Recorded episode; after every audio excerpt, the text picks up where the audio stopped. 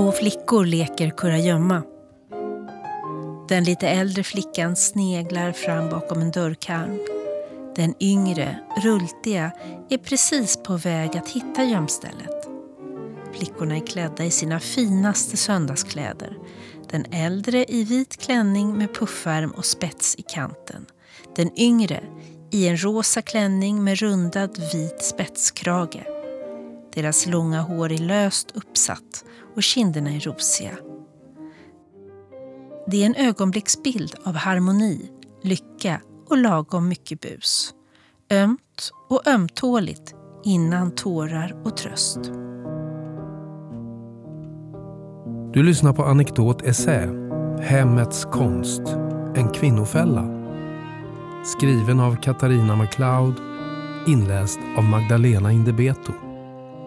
Flickornas lek fångas i en målning från 1896 betitlad just Kurragömma. Det är en gestaltning av gemenskap där flickorna får vara barn, bekymmerslösa och lekfulla. Men målningen handlar lika mycket om platsen där de leker, hemmet. Solen letar sig in genom de vita skira gardinerna som draperar fönstret till sekelskiftesmiljön. Väggarna är målade i ljusa kulörer och längs väggarna står stoppade snidade stolar i Karl Johans-stil från den tidigare delen av seklet. Hemmet som vi ser i målningen är välbekant för våra 2000-tals ögon. Rent av sinnebilden för ett borgerligt hem för cirka hundra år sedan. Scenen med sin inredning och flickornas klädstil är välbekant från miljöer som de i Ingmar Bergmans Fanny och Alexander som utspelar sig ungefär vid samma tid som målningen Kurragömma. Sekelskiftshemmet med sina ljusa ytor och trägolv inrett med nyplockade ängsblommor är en så bekant miljö att den nästan blivit osynlig. Hemmet som ett motiv har lekt kurragömma med konsthistorien. Vid sekelskiftet blev hemmet själva urscenen för nya ideal, ny konst och design. Men som konstnärligt motiv har hemmet varit förvånansvärt förbisett. I själva verket är det ett motiv som lånar sig som ett fönster mot sin egen tid. Ett fönster gentemot estetiska uttryck, människors förhållande till privat och offentlig sfär, politisk ideologi, moraliska ställningstagande och konstnärliga uttryck. Det är ett fönster att blicka ut genom mot tankegods och mänskliga öden men som ett fönster ramar det också in och avgränsar diskussionen. Konstnären bakom målningen är själv en gestalt vars konstnärskap utsatts för en kurragömmalek, framhängd och bortplockad från museiväggar. Fanny Brate föddes som Fanny Ekbom 1862 och dog under andra världskriget 1940, 78 år gammal och då sedan länge änka efter runologen Erik Brate 1864, när Fanny var två år gammal, inrättades den nya fruntimmersavdelningen på Konstakademin. Själv började hon sin utbildning 1879.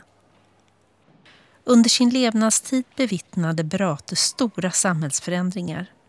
Den norsk-svenska unionen löstes upp. Insatser som skulle skapa och vårda det svenska kulturarvet instiftades som Nationalmuseum 1866 och Nordiska museet 1872. Brates konstnärskap sammanfaller med formandet av nationalromantiken, allmän rösträtt för kvinnor 1919, det första världskriget samt början av det andra världskriget. Sverige förvandlades under hennes levnadstid från ett ruralt till ett industriellt samhälle.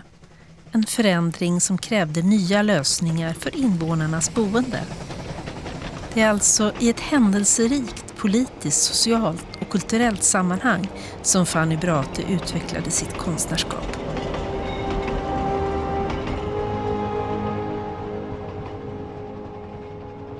Ur en annan synvinkel spände hennes konstnärskap över en tveeggad period för de kvinnliga konstnärerna. Det är en period som både var en storhetstid för kvinnliga konstnärer som examinerades från konsthögskolor och fick publikt genomslag, liksom början till historiens glömska av samma konstnärer. Precis som sin samtida kollega Carl Larsson ägnade sig Brate i sin konst framförallt åt att skildra familjelivet, hemmet och landsbygdens människor och natur. Liksom Larssons måleri strimmar solen in genom fönstret med skira gardiner.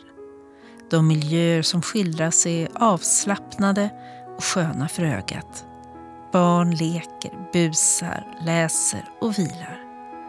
Men till skillnad från Larssons har Brates miljöer avskrivits som något konstnären varit nödgad till att skildra. Den kvinnliga konstnären målar barn och hem i brist på andra möjligheter på grund av sitt kön. Carl Larssons skildring av hem och vardagsliv har setts som kärnan i svensk konst och kulturhistoria. Brates som en kvinnofälla. Utifrån Brates motivkrets går det kanske att hävda att konstnären var fångad av hemlivet Kvinnor har setts som bundna till hemmets motiv för att deras övriga sysslor samt sociala förväntningar kräver en så hög grad av närvaro i hushållet. Men Brates interiör och familjescener inbjuder till en mer nyanserad tolkning. Ta bara de lekande flickfigurerna i målningen Kurragömma.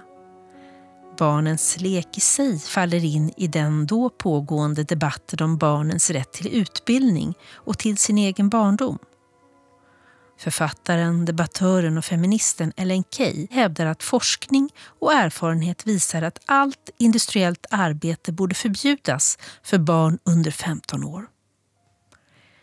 Det fanns enligt Key stora moraliska, pedagogiska och samhälleliga vinster med att ge barnen barndom och utbildning istället för arbete i förtid. Frågan är förbunden med klass och ekonomiska möjligheter att frias från arbetsbeting. Ett lekande barn, som i Kurragömma, visar helt enkelt inte bara barn som leker det visar hela, rena, välklädda barn med privilegier att slippa industri, lantbruks eller för den delen hushållsarbete.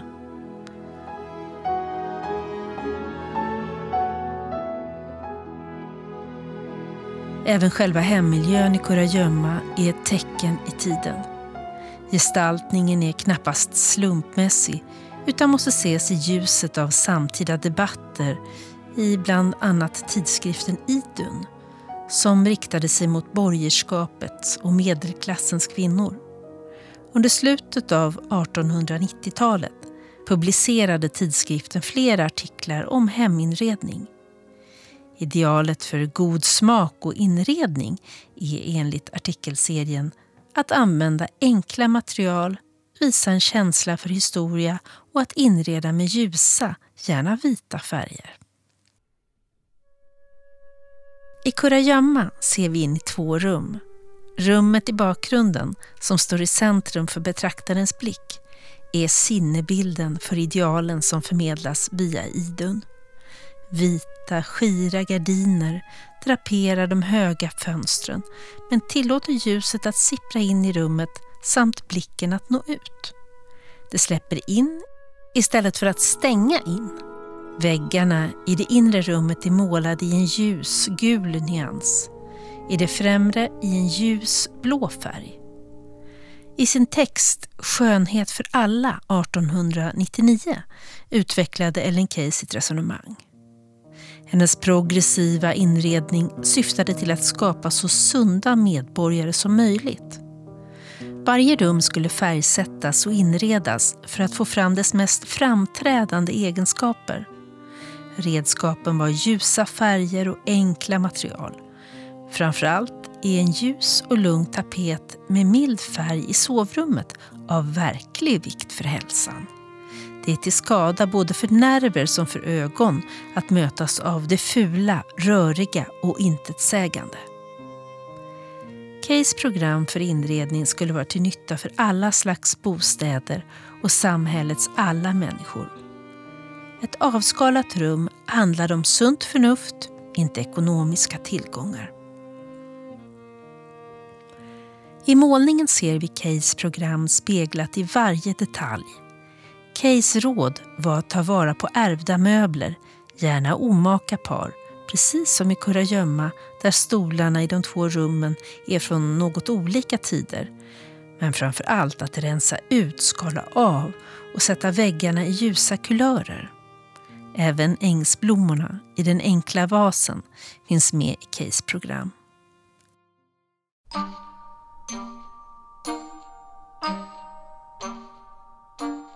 Hemmet är en plats tyngd av symbolik, starkt förknippad med feminitet, kvinnan och hennes roller i och utanför denna sfär. Som moder och barnlös, gift och ogift, yrkesarbetande och hemmavarande. I praktiken är hemmet knappast enkom kvinnans plats. Det har alltid bebotts av båda könen och i konsten har hemmets miljöer skildrats, inte minst av manliga konstnärer. Carl Larsson är bara ett av många exempel. Inom en feministisk kritik har hemmet setts som en komplicerad plats. Att frigöra sig från hemmet kan handla om att rent praktiskt förflytta sig från hushållets sysslor, som Virginia Woolf visade med texten Ett eget rum från 1929. För filosofen Simone de Beauvoir så var hemmet en omöjlig ekvation för kvinnan. Det är i hemmet som en ideologi om familjelycka utspelas, men också en plats hon måste befria sig från för att bli vuxen. Samtidigt är kvinnan fast i sitt hem från barndomen till vuxenlivet och ändå är det den plats som erbjuds henne för att förverkliga sig själv, beskriver Beauvoir i Det andra könet från 1949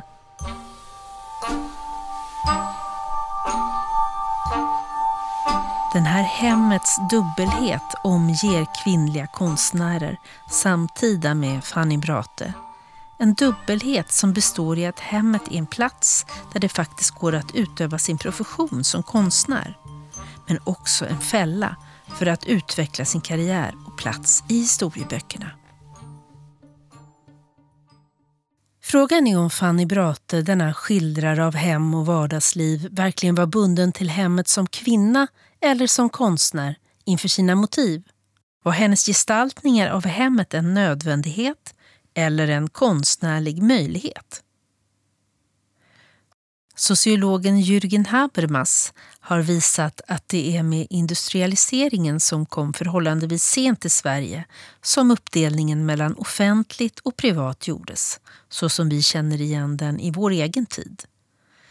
Det är alltså under 1800-talet som hemmet omdefinieras, både som idé och som plats i den svenska idéhistorien, i konsten och i samhället.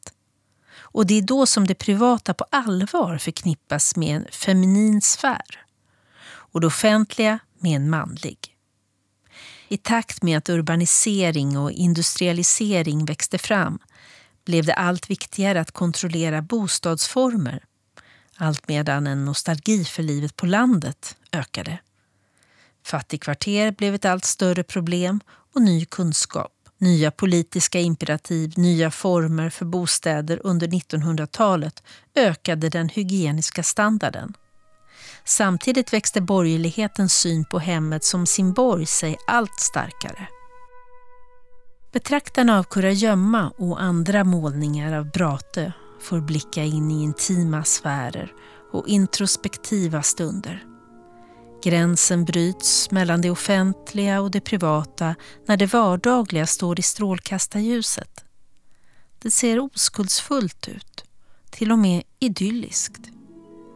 Men hemmet i konsten döljer en historia som är förankrad även i en politisk historia om hur det privata förhåller sig till det offentliga. Gränsen mellan det privata och det offentliga är allt annat än knivskarp. Snarare både suddig och rörlig.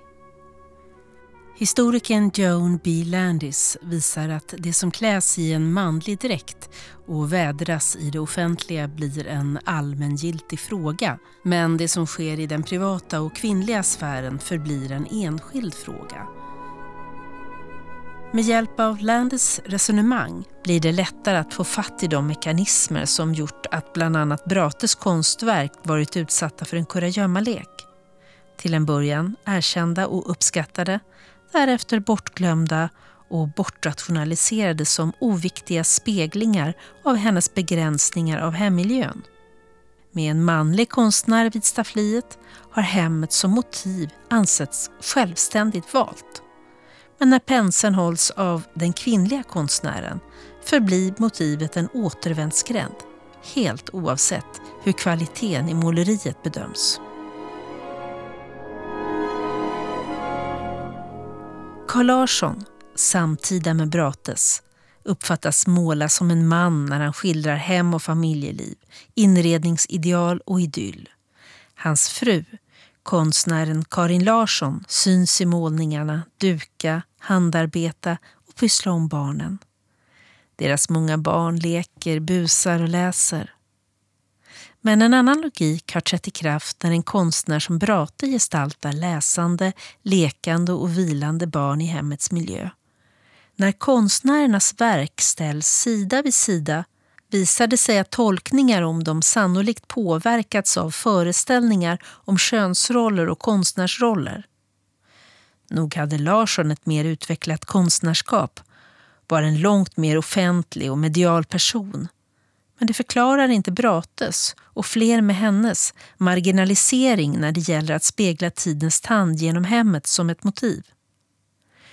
Frågan hänger i luften om det privata och hemmets sfär är så djupt förankrat i en föreställning om det feminina att vi under 1900-talets lopp haft svårt att se hur en allmängiltig kultur ens kan ta form genom hemmets sfär med en kvinna vid penseln.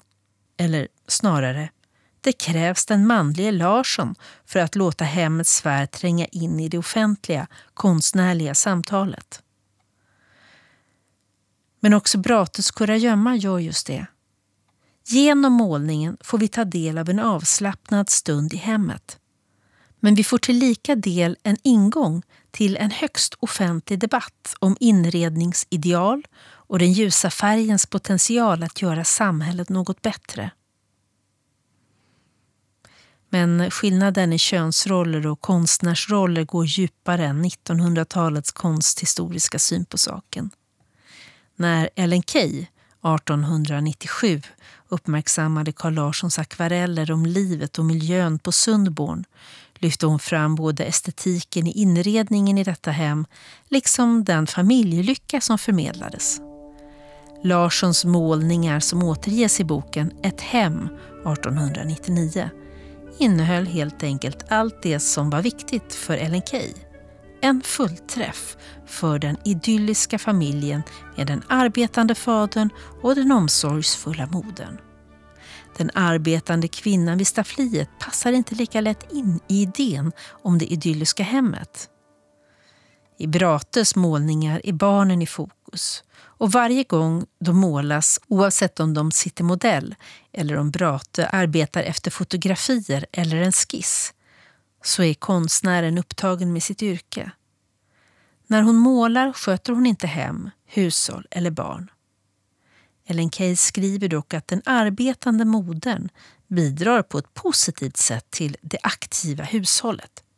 Det vill säga ett hushåll som förenar den privata sfärens familjeliv med den offentliga och goda dygden av att arbeta. Det är detta aktiva hushåll som är grogrunden för sunda värderingar, moral och en aptit för kunskap. Den här miljön skapas bäst genom föräldrarnas goda förebild när de visar upp sina föredömligheter i hemmet. Hemmet för Kay var inte en förvaringsplats, vare sig för barn eller kvinnor, utan samhällets viktigaste institution för att fostra i det privata vad som senare skulle bli fullvärdiga medborgare. I Brates målningar är det aktiva hemmet underförstått. Kvinnan och konstnären befinner sig utanför målningen medan modern och hustrun genom Karin Larssons gestalt är en ofta närvarande figur. Utanför målningarna hade både Karin Larsson och Fanny Brate konstnärliga verksamheter som krävde såväl tid som rum. Det råder ingen tvekan om att Brate med svårighet kunde ha utfört flertalet av sina målningar i de miljöer som skildras. I vardagsrum med ljusa väggar, skira gardiner och antikviteter. De fläckfria inredningarna och ljusa ytorna skulle snabbt ha kladdats ned av oljefärgen. Brates större målningar ställer uppenbara krav på en anpassad arbetsmiljö. En ateljé helt enkelt. Det är som att hennes skildringar blir vittnen till hemmets sällhet medan måleriets kladdighet osynliggörs.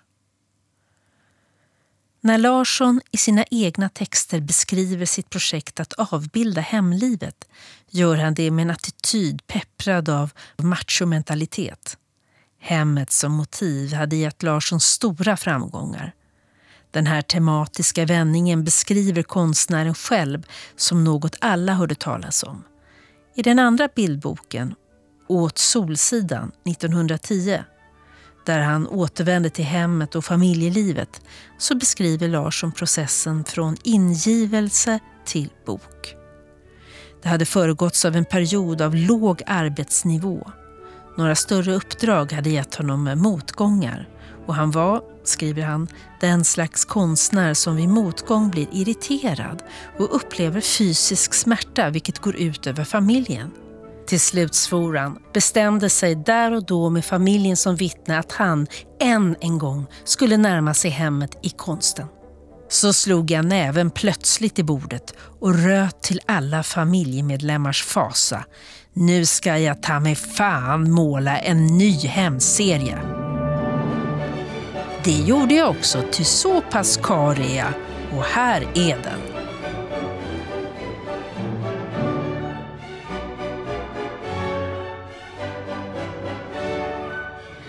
Hur var det då med hustrun Karin som stått för all inredning, färgsättning och design av möbler och textilier?